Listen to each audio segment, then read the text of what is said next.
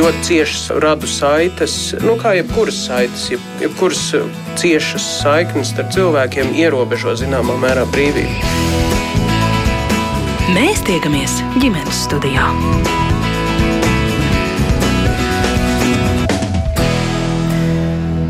Labdien, rādījums ģimenes studijā sāk savu skanējumu. Jūs sveicina šī radījuma producenta Stalidzēna un es Agnes Linka. Kāds nu pat veikts pētījums liecina vecāki bažīs par bērnu slodzi mācību gada laikā, taču tāpat laikā atzīst, ka nespēja atšķirt pārslodzi no motivācijas trūkuma un arī saprot, ka bieži vien pie bērnu pārslodzes ir vainojams mūsu pašu, tas ir vecāku ambīcijas.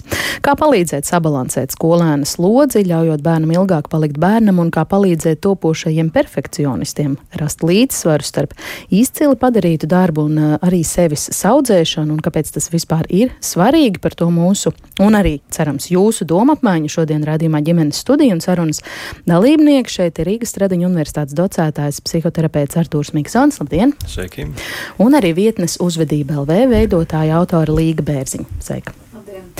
Un kā Allaž, jūs eh, klausītāji arī esat laipni aicināti pievienoties mums šai sarunā. Ja ir kas eh, sakāms, mēs gaidīsim jūsu komentārus, viedokļus, sevišķi jautājumus. Rakstiet mums, rakstiet mums ģimenes studijai no Latvijas radio mājaslapas. Nu jā, Augusta beigas, jo it īpaši arī septembra sākums ir tas laiks, kad dzīvi mēs plānojam un pārplānojam e, par jaunu, vismaz tā daļa ģimeņu, kurās ir skolnieki. Un, ja šo pirmdienu mēs raidījumā runājām ar pusauģu mentālās veselības speciālistiem, ko darīt ar tīņiem, kas ir vienkārši zaudējuši jebkādu motivāciju darīt jebko, tad šai stundā mēs tā plūstoši turpināsim par visu vecumu grupu Eh, skolas bērnu slodzi, un tad par to perfekcionismu nedaudz vairāk redzējumu otrajā daļā. Eh, kā tad ir, kāda ir optimāla slodze, vai to ir mm, kaut kā iespējams izmērīt, aplēst, eh, skatoties, domājot par savu bērnu dažādos vecuma posmos? Piemērota slodze, kā to var izsvērt? Un cilvēkam tiešām būtu um, uzsvars uz to, ka dažādos vecuma posmos viņa ir atšķirīga, bet tur tas svarīgais jautājums, es domāju, Es jau nevaru citādāk uz jautājumu paskatīties. Nu, um, kā uz šo slodzi uh, nu, teiksim, bērnam attiecīgā vecuma posmā skatās vecāki. Tobiši, um, ja mēs runājam par to, ka bērns iet teiksim, bērngārzā, un pēc tam viņš sāk iet jau nezinu, pirmās klasītājs, pirmā līdz 4, 5, 9, tad jautājums, kurā brīdī vecāks šo slodzi vērtē?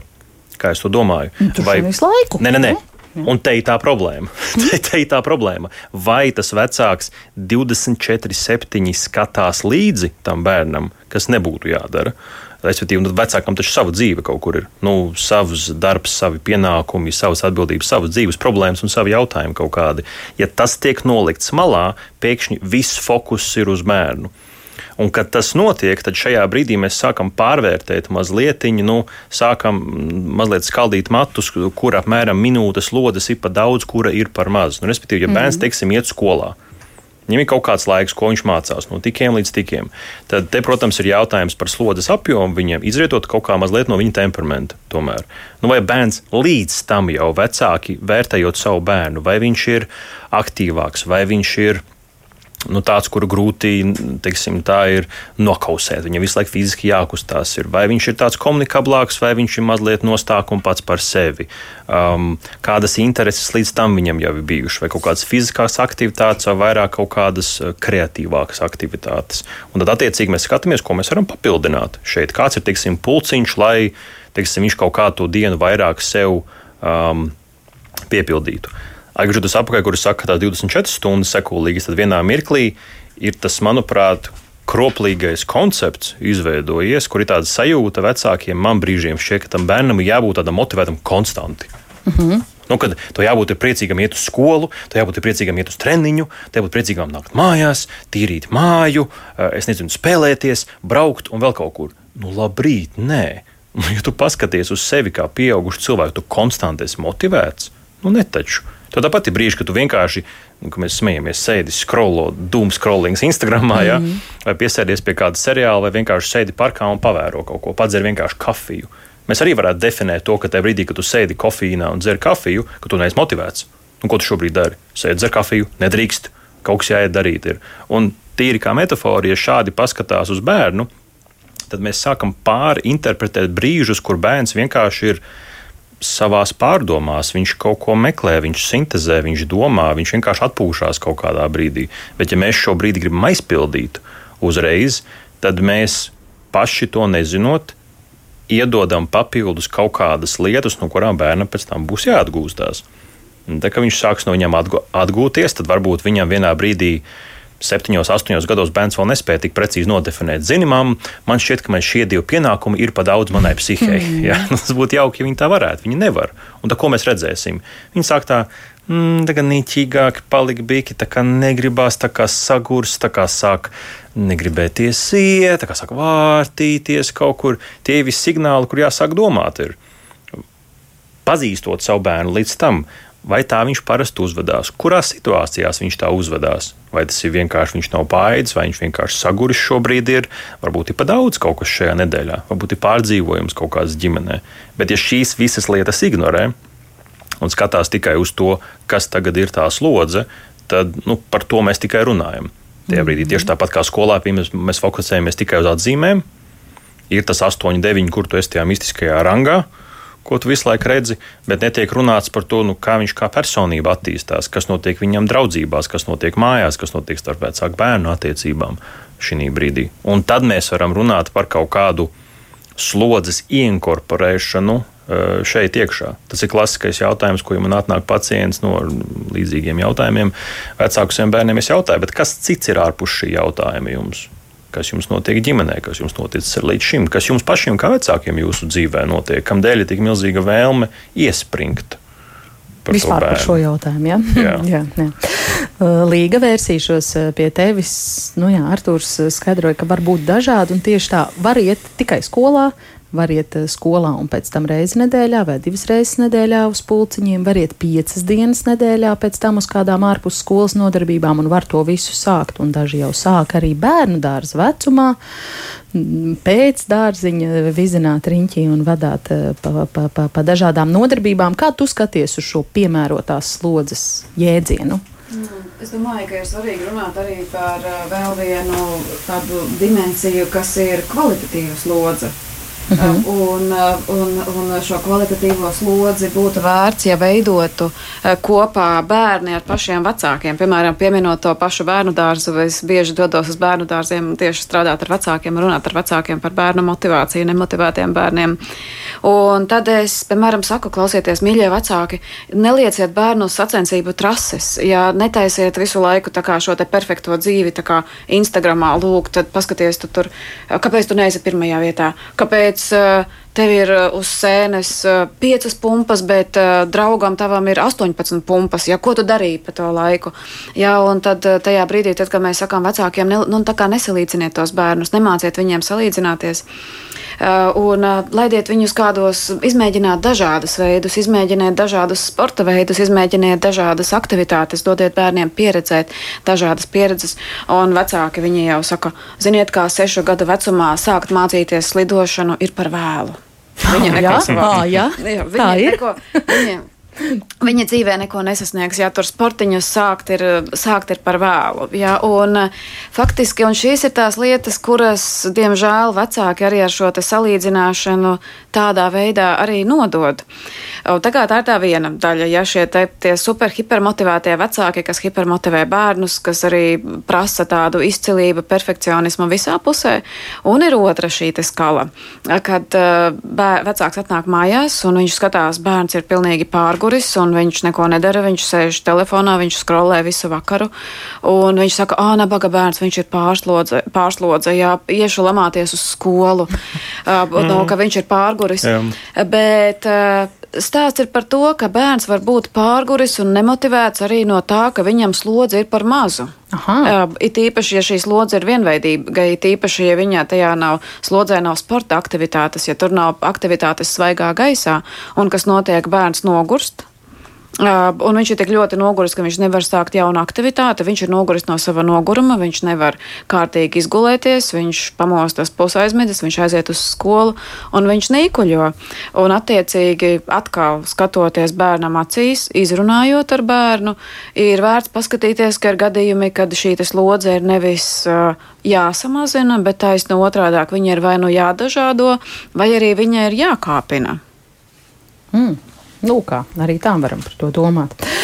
Manis ievadā pieminētais uh, telesakaru kompānijas Bīta un pētījuma aģentūras Norstat veiktā šī aptauja liecina, ka 82 procenti vecāku uztraucas uh, par slodzi, kas viņu bērniem ir jāpiedzīvo mācību gada laikā, ko rada tekošo un iekavēto mācību apguve, uh, dažādi interešu pulciņi, pienākumu mājās, uh, tāpat kā būtiskākos faktorus, kas visbiežāk veicina pārāk lielu slodzi bērniem. 59% vecāku norāda mācības kā tādas un arī mācību vidas maiņu, mainoties klātienes un attālinoto mācību režīmam, bet kā trešo būtiskāko bērnu slodzes faktoru 23% vecāku visbiežāk visbiežāk ir eh, atzīmējuši paši savas ambīcijas.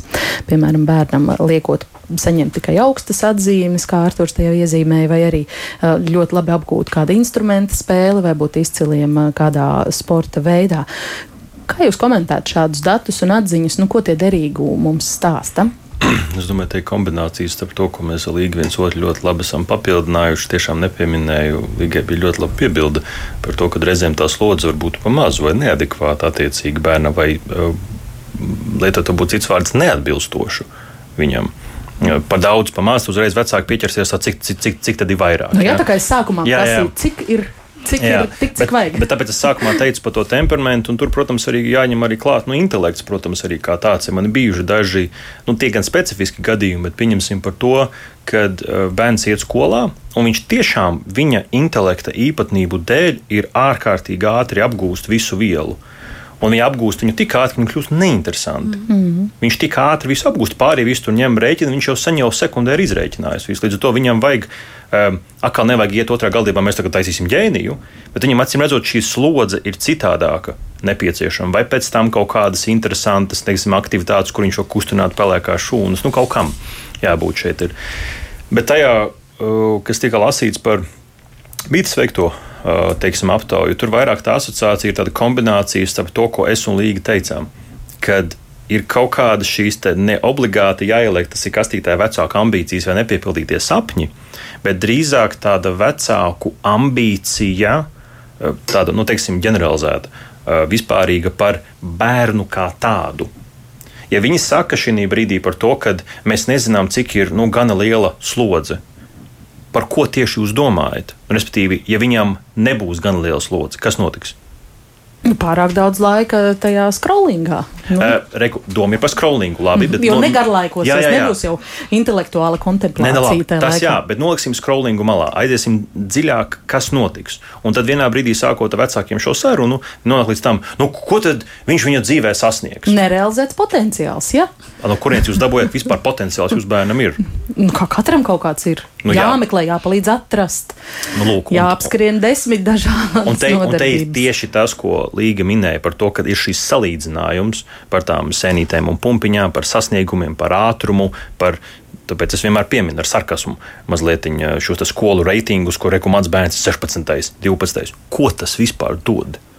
Neko. Gudrs, veiksmīgs. Tas, tas neko neparāda. Būs, nu. Kopumā tas neko neparāda par bērnu. Tas tikai parāda kaut kādu ciparu, mm -hmm. kaut ko atspoguļo. Jā, bet šī gadījumā tāpēc es domāju, drīzāk apakšā tai bažai par to bērnu. Es nezinu, kādu slodzi viņam dot. Ir noteikti kaut kāda fantāzija, iecerē un vēlme, kur es gribu, lai tas bērns ir. Un drīzāk ir bailes, man ir čujas ko jūs jau vienā brīdī pieminējāt, kad es kaut ko nokavēšu. Es nokavēšu savu bērnu potenciālu attīstību, mm -hmm. kā Līga minēja. Sešos gados tas jau ir pavēlu. Vajag trijos sākt. Tātad, ja es šos Visu trīs gadus, jā, jā, jā, jā, protams, loģiski arī studijas, kad ja es šajos trijos gados nesāku, diemžēl attīstās tāda, negribas teikt, patoloģiska, bet lieka vainas izjūta, bailes par to, ka es esmu nokavējis, es esmu slikts vecāks tagad, jo es nokavēju. Ja jau es nokavēju šo, kas ir nākamais sarakstā, ko es nedrīkst nokavēt? Ka, ka, uz ko man jābūt uzmanīgam, lai es dieva dēļ to nepalaidu garām? Bet tad jautājums, ka, kamdēļ jums vispār šķiet, ka jūs kaut ko nokavēsiet vispār? Un te es atgriežos pie tā sākuma, kad uh, ir, manuprāt, brīžiem par daudz uzmanības uz tiem bērniem. Lai gan ir forši, ka mēs par to runājam, par to ir raksti, ir raidījumi, ir sabiedrības uzmanība, awareness un tā mhm. tālāk, brīžiem ir par daudz. Un tur, kur sabiedrība ir aizgājusi šobrīd ar dotu iespēju mazāk kaut kur strādāt, būt mājās un būt ar bērniem, diemžēl ir. Nu, teiksim, tā, nu, svārsts ir aizgājis uz otru pusi. Ja mēs paskatāmies vēsturiski uz mūsu vecākiem, tad viņiem vienkārši tam nebija laika. Viņi bija jāiet uz darbu, viņiem bija jāstrādā, bērni darīja savu lietu. Dabiski, kad mēs augot tādā vidē, kāds ir izjūts kaut kā trūkumu. Mm -hmm. uh, uzmanības, mīlestības, attieksmes iespēju mani neaizsūtīja vecāki, nezinu, tur klavieru skolā vai uz kaut kādu pulciņu vai kaut kur. Jautājums, kādu iespēju tas uz mani atstāja, un vai es esmu nu, tā objektīvi izvērtējis. Varbūt es nemaz tās klavieres šobrīd negribu spēlēt, mm -hmm. bet ja tu uzbūri ainu, tad es tagad būtu slavens klavieru mākslinieks, būtu Mocards. Ja? Tad šī brīdī tu šo fantāziju ieliec savā bērnā. Mm. Ja jau man nokavēja, redz, ko man neiedeva, es būšu labāks vecāks. Es nenokavēšu. Un es sekošu visam līdzi. Un šīs ir tās bīstamākās ambīcijas, es teiktu, nekā tās acīm redzamās, kur nu, klasiskais, nezinu, tētis, apmēram, nekļuva par hokeju vai futbolistu, dēls kļūst mammai, tur nezinu, nekļuva par balerīnu. Nekļuva par balerīnu, meita noteikti kļūst par balerīnu. Mm. Tās tāds klišejs, bet, diemžēl, viņas strādā. Un te ir tas, ka tas vecāks um, dzenās kaut kādā ziņā pēc tā perfektuma, kuru viņš kaut kad uh, nav ieguvis. Tas radīja kaut kādu vilšanos, skumjas, sāpes, kaut kādas, kaut kādas dusmas, aizvainojumu, un viņi negrib neko tādu. Līdz to viņi būs tie perfektie vecāki, kas visu iedod, bet, diemžēl, to darot, viņi tieši izdara to pašu. Viņi kā reiz iespējams, nu, Mēs iespējams augām, kur mēs tur ganījāmies paši vecākiem savu lietu, pietrūka kaut kāda tuvība ar viņiem. Šeit būs otra galējība. Būs konstanta tuvība visu laiku vecākiem, bet nebūs tā mazliet bērna brīvības. Nu, kur viņam ir mīkls, ko viņš vienkārši spēlēties? Mm -hmm. Viņš vienkārši pavadīja laiku ar draugiem, iet pastaigā kaut kur, kur vecāks nezina. O, nu tas taču vispār nav grēks šobrīd. Nu, šo, šobrīd pasakā, Dievs iziet uz ielas kaut kur. Jā, bet uh, jūsos klausoties, es aizdomājos, es, protams, neesmu speciālists, tikai jautātājs, bet aizdomājos par to, vai to nevar formulēt arī kaut kādas problēmas vecākam ar pašvērtējumu. Tas, tas roku... kas man nav izdevies, jā, jā, jā protams, tas, tas ies ir... roku rokā. Tas, es teikšu, būs tāds virsvārds. Nu, tas, ko es minēju, ir tādi jau nu, subkategorijas, teiksim tā, bet uh, pašvērtība noteikti. Un jo zemāka viņa būs, un jo mazāks, un te būs tāds interesants aspēle, jo mazāk šī pašvērtība būs, un mazāks kontakts ar realitāti par to, cik viņa ir zema. Un atzīt sev, ka viņa ir zema, bet kā tad es viņu varu mainīt sevī? Nevis bērnā, bet sevī. Tad, nu, diemžēl, mēs mēģināsim justies labāk caur to, ko es realitātē redzu. Ja realitātē es redzu, ka mans bērns ir mans turpinājums, tāds mans pašvērtības papildinājums, Nu, jo skaistāku es viņu padaru, jo skaistāks es kļūstu. Mm -hmm. Tad tāds pāva krāsnīs kļūst skaistāks. Man liekas, ļoti tipisks Te, veids, kā mēs domājam par saviem bērniem. Es tikai ātri līgi iestarpināšu. Artūrs pieminēja to, ka eh, ļoti liels tas sabiedrības fokus uz, uz tiem bērnu sasniegumiem. Man kā likās, nu jā, ka tas uh, labi, ka tie 82% uztraucas uh, vecāku par savu bērnu slodzi, jo tas nozīmē, ka mēs par to aizdomājamies. Artūrs saka, tas nemaz nav tik labi, varbūt, ka tik o, daudz uzmanības tam bija. Jā, es arī pilnīgi, pilnīgi piekrītu Artūram. Domāju, ka tas 82% ir uztraucoši daudz, eh, liels procents. Eh, un mums ir vēl jāskatās, par ko viņi tur īsti uztraucas. Un, par ja slodzi. Mēs, tad varbūt no, mums pārslogoti bērni tiešām no, objektīvi. Jā, un, un, tad, un faktiski šis ir, šis ir tas, kurš arī atver vaļā šo ceļu uz, eh, uz šo te perfekcionismu. Jo tāpēc, ka paralēli mēs jau nedzirdam, ka vecāks saka, ka piedod, es tev lieku strādāt tik daudz, tāpēc, ka man ir zemes pašvērtējums. Jau, un, nu, mēs to nedzirdam, bet mēs dzirdam citas frāzes frāzes, mēs dzirdam frāzes, ja tu nestrādāsi pietiekami daudz, tad tu dzīvē neko nesasniegsi. Ja tikai ar smagu darbu tu vari kaut ko sasniegt, paskaties, kā tur tie cilvēki strādā, un tev ir jāstrādā trīsreiz vairāk nekā pārējiem.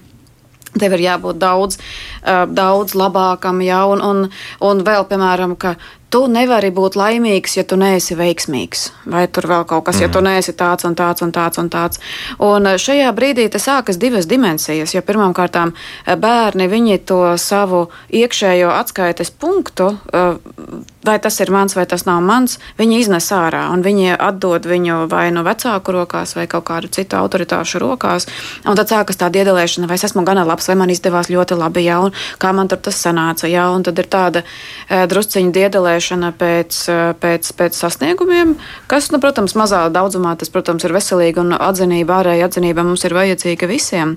Bet bīstamākais šajā brīdī sākas tas, ka bērns pazaudē pirmkārt šo savu sajūtu, un viņš sāk darīt lietas, uh, kuras vispār nav viņam vajadzīgas, un kuras vispār ir ārpus vispār viņa spējām. Ja? Tad viņš sāk tā kā es uh, mācīšos uz desmitniekiem, vienkārši lai vecāki nebūtu vīlušies, lai skolotāja nebūtu skumja.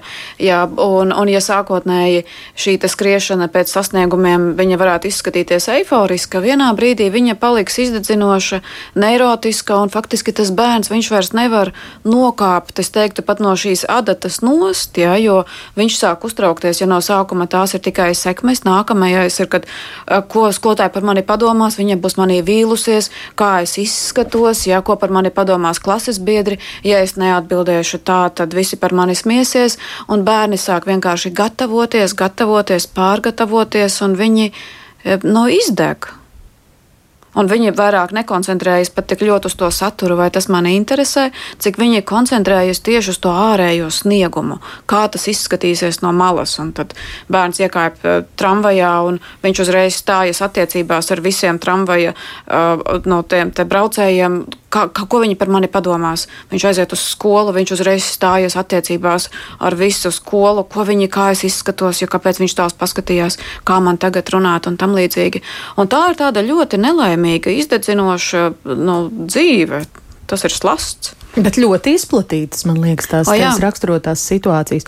Un pasaka vēlreiz, tad tas sākuma punkts, tas avotiņš sākas no Lielākoties sākuma punkts sākas no pieaugušajiem, tāpēc, ka tās varbūt ar to tu vari papildināt, tu vairāk zinās, jo tās ir vecāku šīs ekspektācijas, tas ir veids, kā vecāki šīs, no, vispār pieaugušie šīs ekspektācijas komunicē, tas ir arī to, kā pieaugušie bērniem iezīmē šo laika uztveri, nu, kas notiks ar tevi, ja, kad, kad vai no pirmā gimnāzija vai krāvējs veikalā, kaut kādā noliktavā. Ja?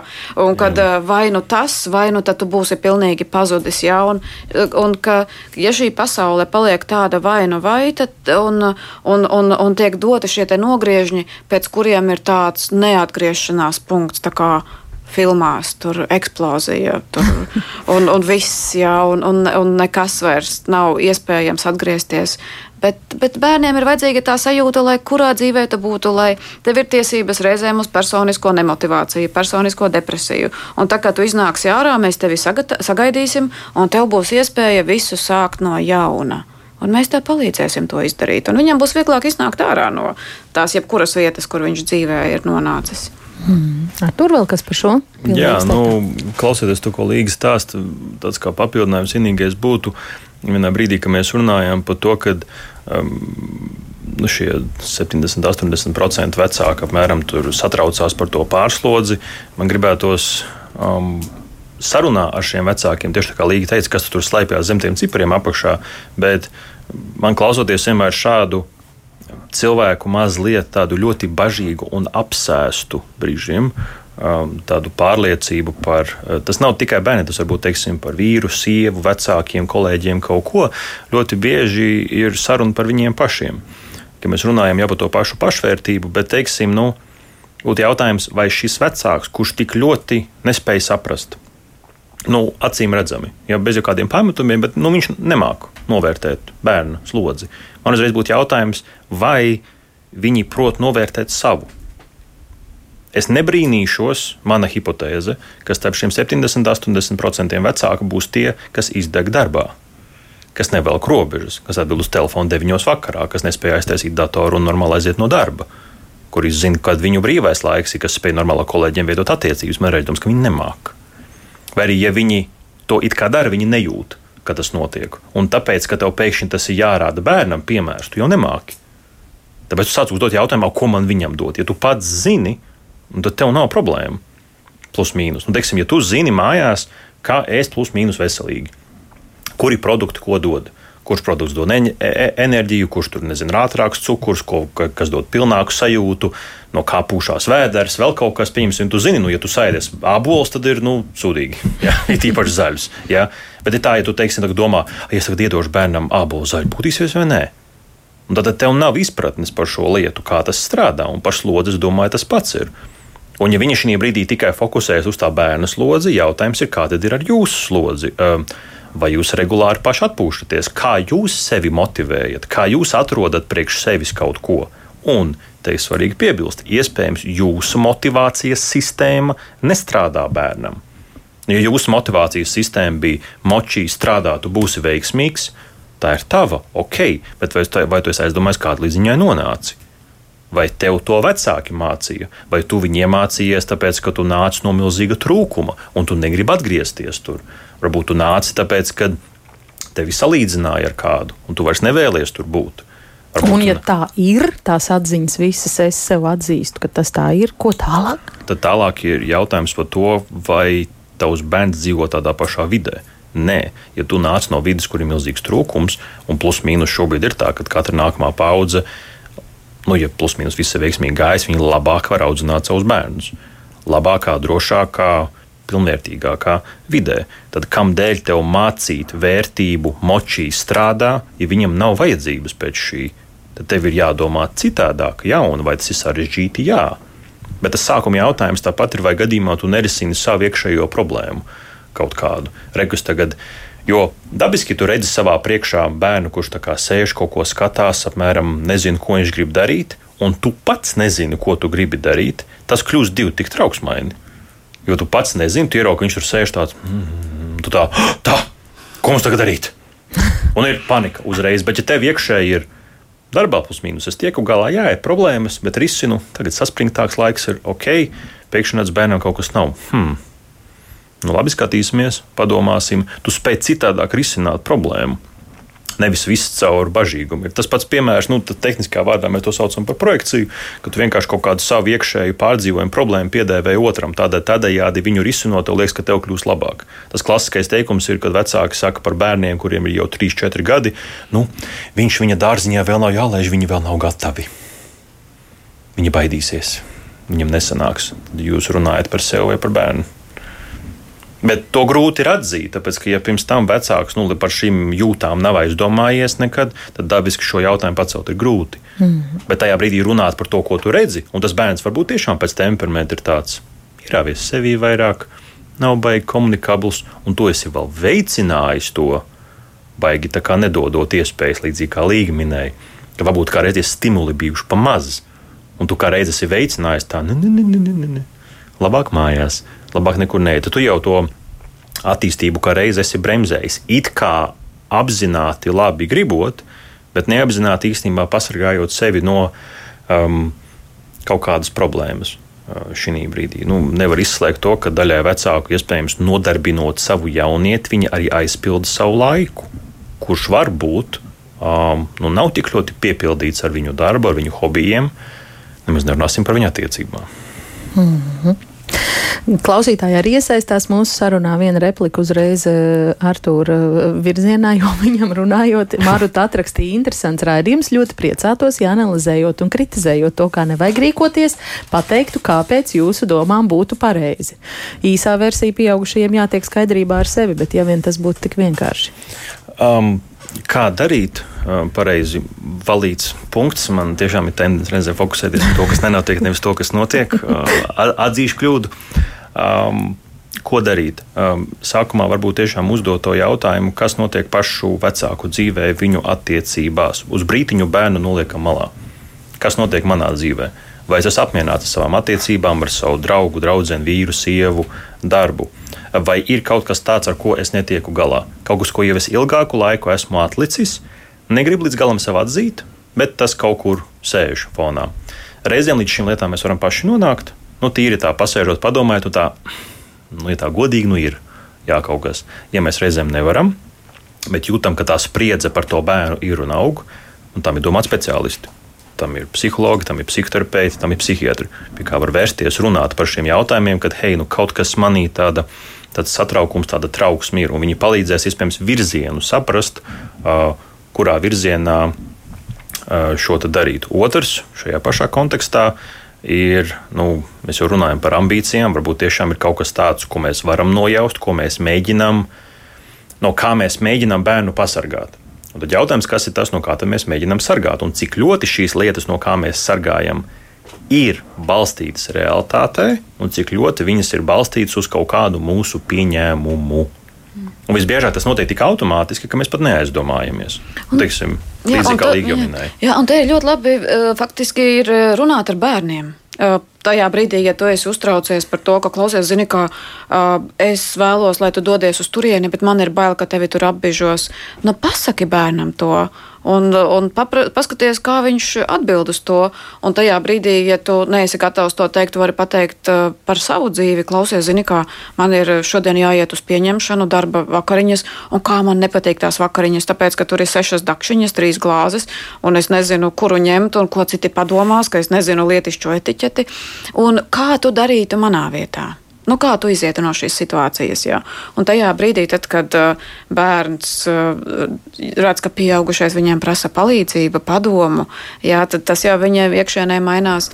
Uh, un, uh, un otrām kārtām uh, bērniem ir svarīgi ieraudzīt, ka pieaugušie nav perfekti. Ja mēs šodien runājam par tā perfekcionisma tēmu, viņiem ir svarīgi redzēt, viņiem ir svarīgi dzirdēt, kā tu darbā visu šodien salaidi grīstē. Viņiem ir svarīgi dzirdēt par to, kā tu šodien izdomāji aizbraukt nepareizi un kā tu iekūlies un kā tu atvainojies. Viņam ir svarīgi redzēt, ka cilvēki apkārt dzīvo pilnīgi neperfektu dzīvi. Un viņiem ir svarīgi arī redzēt kaut kādus šos pašus domāšanas eksperimentus, ka, ka tu vari pateikt, ja, ka, zini, kā es šodien uh, braucu iekšā pagalmā, bet, uh, bet es, es negribēju braukt iekšā, tāpēc, ka man bija bailes, ka es nevarēšu noparkoties un ka kāds tur kaut ko aizrādīs, bet es kā, teicu to, darīju to un darīju šo, ka mēs parādām bērnam nevis tikai to, kādi mēs esam, kā mēs esam strādājuši, cik mēs esam bijuši superveiksmīgi, bet arī šo te vidusceļu, kā mēs esam līdz tam nonākuši. Jā, un, un jo, jo atvērtāki un atklātāki, protams, arī nu, normas robežās, jo tāpēc, ka tagad nevajag visu paņemt arī burtiski, jo vairāk mēs arī stāstīsim par šo savu ceļu un rādīsim, jo arī, arī bērniem būs vieglāk. Nākamais vēl viens, kas ir ļoti svarīgi, mīļie vecāki, lūdzu, lūdzu, neglābiet bērnus. Ļaujiet viņiem krist, ļaujiet viņiem, nu, atkal normas robežās, tad tā kā, lai traumatologi gan jau, lai nesāk reņķēties. Jā, bet bērniem ir jākļūdās, un bērniem ir uh, jākrīt, viņiem ir pašiem jāceļās augšā. Un jo vairāk mēs mēģināsim paredzēt visas šīs neirotiskās situācijas, ja mēs izdarīsim 80% lietu bērnu vietā, viņi būs pa 80% vājāki. Viņiem nesanāks tik perfekti kā jums, viņi neuzlipinās perfekti pumpiņas uz tām pašām sēnēm, uh, viņiem nesanāks tik labi sacerējumi, kā jūs tos rakstītu. Bet uh, tas ir vēl viens tāds, tāds tāda plaisa mūsdienās, ka Um, kā, ja bērni neredz šo mēģinājumu un kļūdu ceļu, viņiem ir ļoti grūti uzsākt kaut ko jaunu, jo tāpēc, ka expectācijas no viņiem tiek prasītas tādas apmēram dari vai nu labi, vai nesāc nemaz. Jā, kad tā kā vai nu mācies mm. perfekti vai nemaz. Uh, un attiecīgi mēs viņiem nedodam šo te neperfekto ceļu, jo mēs nerādām, bet mums ir jārāda arī visas biezpienmaizes, kuras mums nav sanākušas, un abolmaizes. Te ir arī tās uh, abas puses papildinot uh, līgu, kad, ja mēs teiksim, uh, sakam, reko, vajag tur smagi strādāt un tā tālāk, vai atkal pieņemot kritiku, kā vajag darīt, kad um, nu, pēc iespējas godīgāk sev pateikt, ka kas tad ar mani notiek, kad es smagi strādāju. Vai tiešām tā dzīve ir tik skaista, forša man šobrīd, varbūt es jau esmu pa pusē izdedzis, es kļūstu īgns, vakaros es neesmu baigi pieejams, jo es esmu pārstrādājies un dabiski. Kulīga min, ja bērns šo te redzēs, viņam liksies baigi forši daudz mm. strādāt. Nu, es pastos uz teitu vai mammu, viņi ir pārdeguši. Viņi ir neomā, viņi savā starpā vairs neko nedara. Viņi ar mani laiku nepavada kopā, ka kāda tieši vērtība tiek iemācīta tajā, kad baigi daudz strādāt vajag. Attiecīgi, nu, par šo pusi uh, aizdomāties. Un otru, otrā galējībā neiebraukt. Ja, pieņemsim, tiešām ir jauka, forša dzīve, nerādīt, ka tas tā vienkārši pats par sevi notika. Nu, es negribu runāt par to, kas tur bija. Tad, nu, tur bija savas problēmas, jā, bet redz, cik forši mums tagad ir. Nu, bet, nu, tad pastāsti, kas tur bija, kam tu gāji cauri, kādām bailēm. Tieši tā, ja tu negribi stāstīt tagad, kur tev bažas kaut kādā darbā stāsti, kas notika pirms gadiem, pieciem, pirms desmit. Arī es baidījos, arī man nesanāca, arī es, teiksim, tur notika tas un tas. Un nevis tikai glorificēt, ka, redz, kā es pārvarēju, un viss ir forši. Nē, nu nav forši. Es tāpat klupu, kritu, man nesanāca, es mājās raudāju, pārdzīvoju, besījos.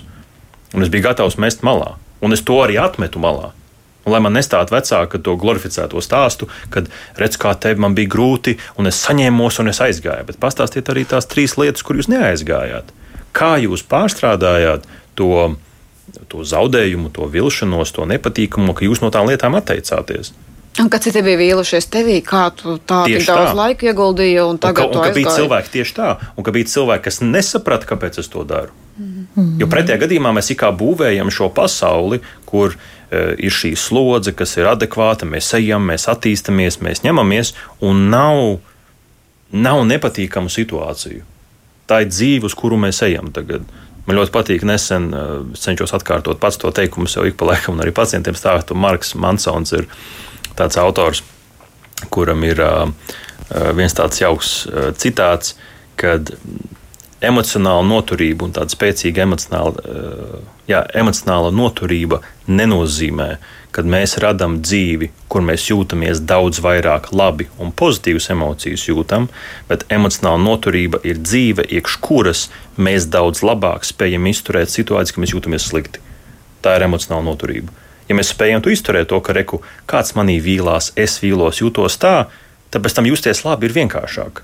Bet, ja tu tikai tiecies pēc tā, ka mēs būsim priecīgi, laimīgi, veiksmīgi, motivēti, tad kas notiks tajā brīdī, kad būs negatīvais gals? Mm -hmm. Tā tā tāda augsta sasnieguma sabiedrība, uz ko mēs tiekam programmēti. Tās ir tās mazās lietiņas caur jā. lietām, par kurām mēs šodien runājam, un tas neprasa mežonīgi ieguldījumi. Tās mm ir mhm. pamata kaut kādas sarunas, kuras jāatzīst, sākumā var būt grūtas, mums neierastas, ja tas nav kaut kas mums raksturīgs to darīt, bet ar laiku um, tas kļūst par ieradumu, par normu. Tiksim, patīk nesen, uh, kādreiz biju pie uh, kolēģis ciemos. Um, apskatīt viņas jauno dzīvesvietu, kā viņi iekārtojušies tur uh, ko, kopā ar vīru un bērniem. Ir, Vienā brīdī es ieviesu tam, skatos, tā, tā kā tāfelīte stāv un kaut kāda zīmīta blakus. Es tā kā sākumā nesaprotu, viņa tā kā kaut kā vienam no mazajiem, jo tur mazais pieteicies nesen, viņam tur kaut ko zīmēt, rādīt, bet viņš tā kā pa mazu bija. Un tad izrādās, ka viņiem kādu laiku, kad iepriekš bija kaut kāda tur, nu, ģimenes nesaskaņas, vienmēr tas bija kaut kur pa stūrīšiem, tur tad viena vecāka ar otru kaut ko, un tagad viņiem ir tādas kā nu, vakara sanāksmes ja, bet par kurām nevis piespiedu kārtā tagad mēs sēdēsim, bet ir vienošanās par laiku, kad tas visiem der. Daži tīņi arī tur ir, un tad viņiem ir tādas, kur viņi sanāk kopā un viņi pārunā. Kas šodien pa dienu notika, kas izdevās, kas neizdevās, kādas galvenās izjūtas bija, ko mēs tikām galā, ko mēs netikām, un visi dalās. Nevis tikai bērni redz jūsu progresu, un kur jūs esat, bet arī paši vecāki. Kas man šodien sanāca, kas man nesanāca, ko es mēģināšu rītdien labāk. Un tā ir tāda kā sanākšana kopā, jo viņi saka, pa dienu pusdienās brokastīs ir pagrūti, katram savi režīmi, bet plus mīnus vakaros mēs varam. Un tas ir brīdis, kur mēs sanākam kopā. Protams, līdzīgi kā Līga saka, nav kopija paste jātaisa šim te, bet kaut kas tāds varbūt tās ir sarunas divatā. Mm -hmm. Nezinu, tēva, dēla, tēva, meitu, mammai, dēla, mammai, meitu kaut kā vecākiem savā starpā. Nu, kur mēs mēģinām saprast, kas tad mums šeit um, notiek. Jā. Atgādināšu, ka ģimenes studijā mēs šodien runājam par to, kā sabalansēt bērnu slodzi mācību gada laikā un arī kā atvairīt pārlieku pārcentību, jeb perfekcionistu. Un mani uh, sarunbiedri šodien Rīgas Stradiņu universitātes docētājs psihoterapeits Artūrs Miksons šeit un arī vietnes uzvedība LV veidotāja Līga Bērziņa. Es uh, došu vārdu dažiem klausītājiem. Ļoti priecājos, ka viņu iesaiste ir aktīva šodien raidījumā. Tiešām daudz un interesantas vēstules. Valdes mums raksta piedodiet aiziet, bet visa mūsu izglītības sistēma ir uzbūvēta uz močī strādā principa, nemaz nerunājot par ārpus skolas m, mm, aktivitātēm. Uh, Vita raksta klausos un mēģinu saprast, jo taisni inteliģentās, turīgās ģimenēs bērniem ir pietiekama noslodze, papildus privātas stundas ir izvirzīti mērķi, lai nodrošinātu, ka bērns pats sevi nākotnē nodrošinās un varēs izpausties sevi interesējošajā sfērā, jo būs attiecīgās zināšanas. Klausoties, saprotu, ka visiem šiem vecākiem cilvēkiem ir zema pašapziņa. Nu, nezinu, vai tā ir. Tā mūsu teikto ir sapratusi Vita. Kādas replikas par šo? Nu, diemžēl, jāatzīst, um, es nedrīkstu un nevaru teikt, ka, apmēram, tur, kur ir turīgas un labas ģimenes, tur visiem ir zemes pašvērtējums. Tā es nedrīkstu teikt. Bet tas, ko es varu teikt pēc savas klīniskās pieredzes un novērojumiem, ir, ka kā reiz ģimenes, kur uh, šis tēmas Um, redzams status varbūt no augstākas sabiedrībā, teiksim, tāds, tāds nu, jau augstāks slānis. Tur reti kad um, nākas saskarties ar tādu nu, ļoti nu, vienmēr tādu baigi veselīgo pieeju. Tur kā reiz ir mazliet tā, ka tev jābūt labākam, tev mm -hmm. jāsanāk, tev jāiet un tā tālāk. Un tas kaut kā norāda uz šo virzienu, par kur mēs šobrīd runājam. Tāpēc atkal vispārināt visas tās ģimenes mēs nevaram. Vispārināt vispār nav labi. Jā, jā, jā bet, mācījis. Tendenci ievērot, teiksim, šeit var. Un tieši tāpēc, kā tieši, ja mēs paņemam ģimenes, kas, teiksim, būs vidusslānis kaut kur, jā, tur kā reiz, lai nodrošinātu ikdienu, um, Pat ja viņas, teiksim, tā finansiāli gana labi pelna, ģimene, ka viņam nav nu, jāmeklē graši kaut kas, viņi gan labi pelna, labi situēti ir, teiksim, tā, bet nav tāds, kā mēs gribam teikt, Instagramā, ho, tur reku, tur māja, jūrmalā un viskrūta, mēram, ja? ka viņi ikdienā būs aizņemti ar savu darbu ikdienu, lai nodrošinātu ģimeni un savu fizisko, mentālo stabilitāti, labsajūtu kā tādu, ka viņiem nebūs laika cepties par to, ko mēs šodien runājam, par to bērnu slodzi. Bērnam ir sava lieta, mums ir sava. Jo augstāks status kaut kur pieaug, tas brīvais laiks var parādīties. Un tad jautājums, vai šajā brīvajā laikā ir cilvēks ar veselīgu pašapziņu un tiešām ir spējīgs gudri saprast bērna temperamentu, viņa vajadzības. Jā, forši, ka tev resursi atļauj piemeklēt viņam suprīgāko pulciņu. Brīnišķīgi. Nu, forši, ka bērnam ir tāda iespēja, un tu esi piedzimis tādā ģimenē. Ļoti jauki. Bet tikpat labi tev var gadīties, ka tu piedzimsti ģimenē, kur šīs iespējas ir, bet viņas netiek tik gudri izvērtētas. Ka tur mērķis ir, tu būsi labāks nekā kaimiņš. Mm. Un tas ir pašmērķis mm. tajā brīdī. Līga, vai tu piekritīsi par to e, izglītības sistēmu, kas ir uzbūvēta uz e, mērķu sasniegšanu, ja močī strādā, kā atcaucoties uz Artūru raksta valdes? Man ir, man ir stāsts par, e, par izglītības sistēmu. Es vēl nezinu secinājumus, bet es izstāstīšu stāstu, jo, un tad mēs domāsim, kāda ir secinājuma. Varbūt ar to arī var nokomentēt pēc tam. Uh, es uh, biju vienā skolā un, un uh, tur tieši, tieši, tieši lasīju, lasīju, lasīju, radīju darbnīcas, lasīju lekciju. Un pēc tam ir jautājuma atbilžu sesijā paceļas viena roka un viena skolotāja. Viņa, viņa tas saka, klausieties, Līga, ko lai dara. Mums ir klasē bērns, absolūtākais perfekcionisms, perfekcionists, un viņš velk burtiņus, un viņš velk burtiņu A, ja viņam nesanāk, viņš raud, viņš met pa gaisu, un, un viņš grib katru lietu izdarīt ļoti, ļoti rūpīgi rūpīgi un perfekti. Un, un es viņam mācu, tev nevajag būt tik perfektam, vienkārši ātri, ātri izdari visu un tikai uz priekšu. Ja galvenais, lai lapa ir aizpildīta, rekur tev vēl jāraksta B burtiņš un C burtiņš un virzies uz priekšu. Un tad, tad es tai atkal tai skolotāji teicu, ka, ziniet, kā nu ļaujiet tam bērnam būt. Mums sabiedrībā ir vajadzīgi šie uz ātru skrē, skrējēji, bet mums ir nu, sabiedrībā vajadzīgi arī, piemēram, labi mikroķirurgi, jo iedomājieties tagad tādā nākotnes profesijā, ja, ka tur ir divi ķirurgi, kas operē, eh, un viens eh, tā kā atgriež vaļā, saka, o, oh, te būs daudz darba, un te tagad ļoti rūpīgi, un mēs nevaram tā. Otrs saka, nē, nē, nē, klausies, mums ātri jāiet uz priekšu, tur tā kā ātri griežam, ātri šujam ciet, mums mums pat ka no kvotas jāpilda, jā, un tur mums ir un pilna parāta. Jā. jā, pilna parāta, un tas nekas, ka nesanāk. Nākamais sanāks, jā. Nē, mums nevajag, mums vajag arī šos te ļoti lēnošos, ļoti perfekcionistus no nu, bērnus, ja, ja, ja tādi viņi ir, jā, un faktiski šajā brīdī katrai šai uzvedībai tiešām ir ļoti svarīgi saprast, no, ko, no kurienes viņai radusies, kur viņa iet, un kā mēs varam tiešām šīs te bērna unikālās īpašības izmantot tā, lai tas būtu gan viņš būtu laimīgs, un viņam būtu laba dzīves kvalitāte. Un lai viņu arī skola nesalaustu šajā ceļā, un nedodies, lai tie paši vecāki viņu nesalaustu tajā ceļā, un, un tiešām veidot to uh, skolas sistēmu, nevis tādu, ka mēs tagad visus viņus uztaisām vienādi veiksmīgus un visus pirmās gimnāzijas kandidātus, bet tiešām, ka tas katrs bērns atrod to savu veiksmes un laimes un arī dzīves kvalitātes formulu, no tādu tā kā, nu, nu, ka viņš definē, kas ir laime, kas ir sasniegumi. Mm -hmm. Tad iespējams, ka Līga jau atbildē, bet varbūt būs vēl kas papildināms uz valdi jautājumu. Viņš raksta, ka beidzot raidījumā tiek apspriesta viņa tēma, kā maigi nomierināt perfekcionistu. Varbūt speciālisti var dot padomus, ko darīt ar 14-gadīgu perfekcionisti. O, tur ir, ar to noteikti arī būs ko teikt. Tā kā tur ir daudz dažādi eksperimenti, kas ir pirmām kārtām domāšanas eksperimenti, ļoti labi palīdz. Tas ir, ka, ja, ja perfekcioniste, viņa ir, no, tas, ko, piemēram, ja viņai ir bailes zaudēt, jā, un viņai vienmēr vajadzīgai būt pirmajai, tad skolā ar šādiem var sarunāt, ka klausies, zini, kā šodien pakluso, tu zau, sarunājam, ka tu zaudē. Un tajā brīdī, tā, kad mēs sarunājam, ka tas ir dom, no tāds uzvedības eksperiments un, un, un bērns tiešām speciāli zaudē, viņš ierauga, ka patiesībā nevienam neinteresē, ka viņš ir zaudējis. Neviens vispār nav pamanījis, ka viņš nav pirmais, jo tāpēc, ka visi viņi ir aizņemti ar sevi. Vai, piemēram, ja ir bērni, kas ir pilnīgi apsēsti ar to, ka kā es izskatos, o, man tur ir pilnīgi viss saburzīts, un mēs tam bērnam pasakam, zini, kā vienu dienu uztaisam atkal tādu eksperimentu, ka aizēju speciāli, uzvelkam visu saburzītāko apģērbu un paskaties, vai kāds pamanīs. Bet 14 gadu. Tas ir tieši 14 gadu. Tas var būt ģimenē, jo viņš raksta, ko darīt nomierināt maigi. Nu, tas droši vien ir tētis.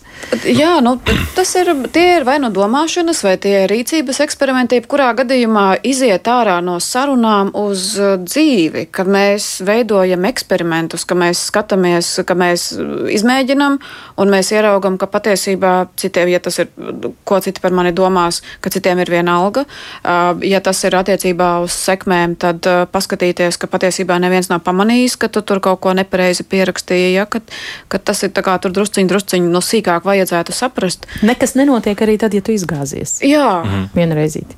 Arī, ja tu izgāzīsies visu laiku, nekas nenotiks un dzīve turpināsies. Nu, es varētu tikai papildināt, sorry, papildināt ar to, ka um, idejas, ko Līga saka, principā tā konceptuāls piekrīt, viņas varētu nestrādāt tajos gadījumos, ir ļoti rigīda šī pārliecība, jeb tāda dzelžaina šī pārliecība par to perfektumu. Tad, attiecīgi, tas, kas notiks, ja tā meita vai dēls atnāk un saka, man tur neperfekta atzīme, neperfekts apģērbs, un mēs labu gribot sakām, bet nu, nekas, nu, cilvēki nepanīs, vai būs ok. Tas ir pilnīgā pretrunā ar viņu narratīvu.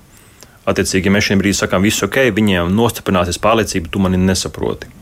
Tad cik drīzāk, man tas ir svarīgi, vai ne? Cik man tas ir svarīgi, tad drīzāk var būt, nu, mēģinam izkāpt ārpus savas komforta zonas, mazliet viņu pajautājam, bet pastāsti man, nu, parādi man, ku, kur šis perfektums nav, lai es saprotu, varbūt. Un tā ideja ir nevis, lai mēs tam perfektumam piekristu tagad, bet tā bērns rādīs te un tas, un tad mēs varam, varbūt, būs izņēmumi, kur mēs teiksim, ah, nu, es saprotu, par ko tu runā. Reku, teiksim, burtiņš A ir tāds, bet tāds ir perfekts. Ok, es saprotu, kurā virzienā tu man saki, bet piedod, es īsti to nevaru atbalstīt. Nu, es, es, nevaru, es, es redzu, ka tev tas ir svarīgi, bet man ir vienalga, kurš no šiem tas būs.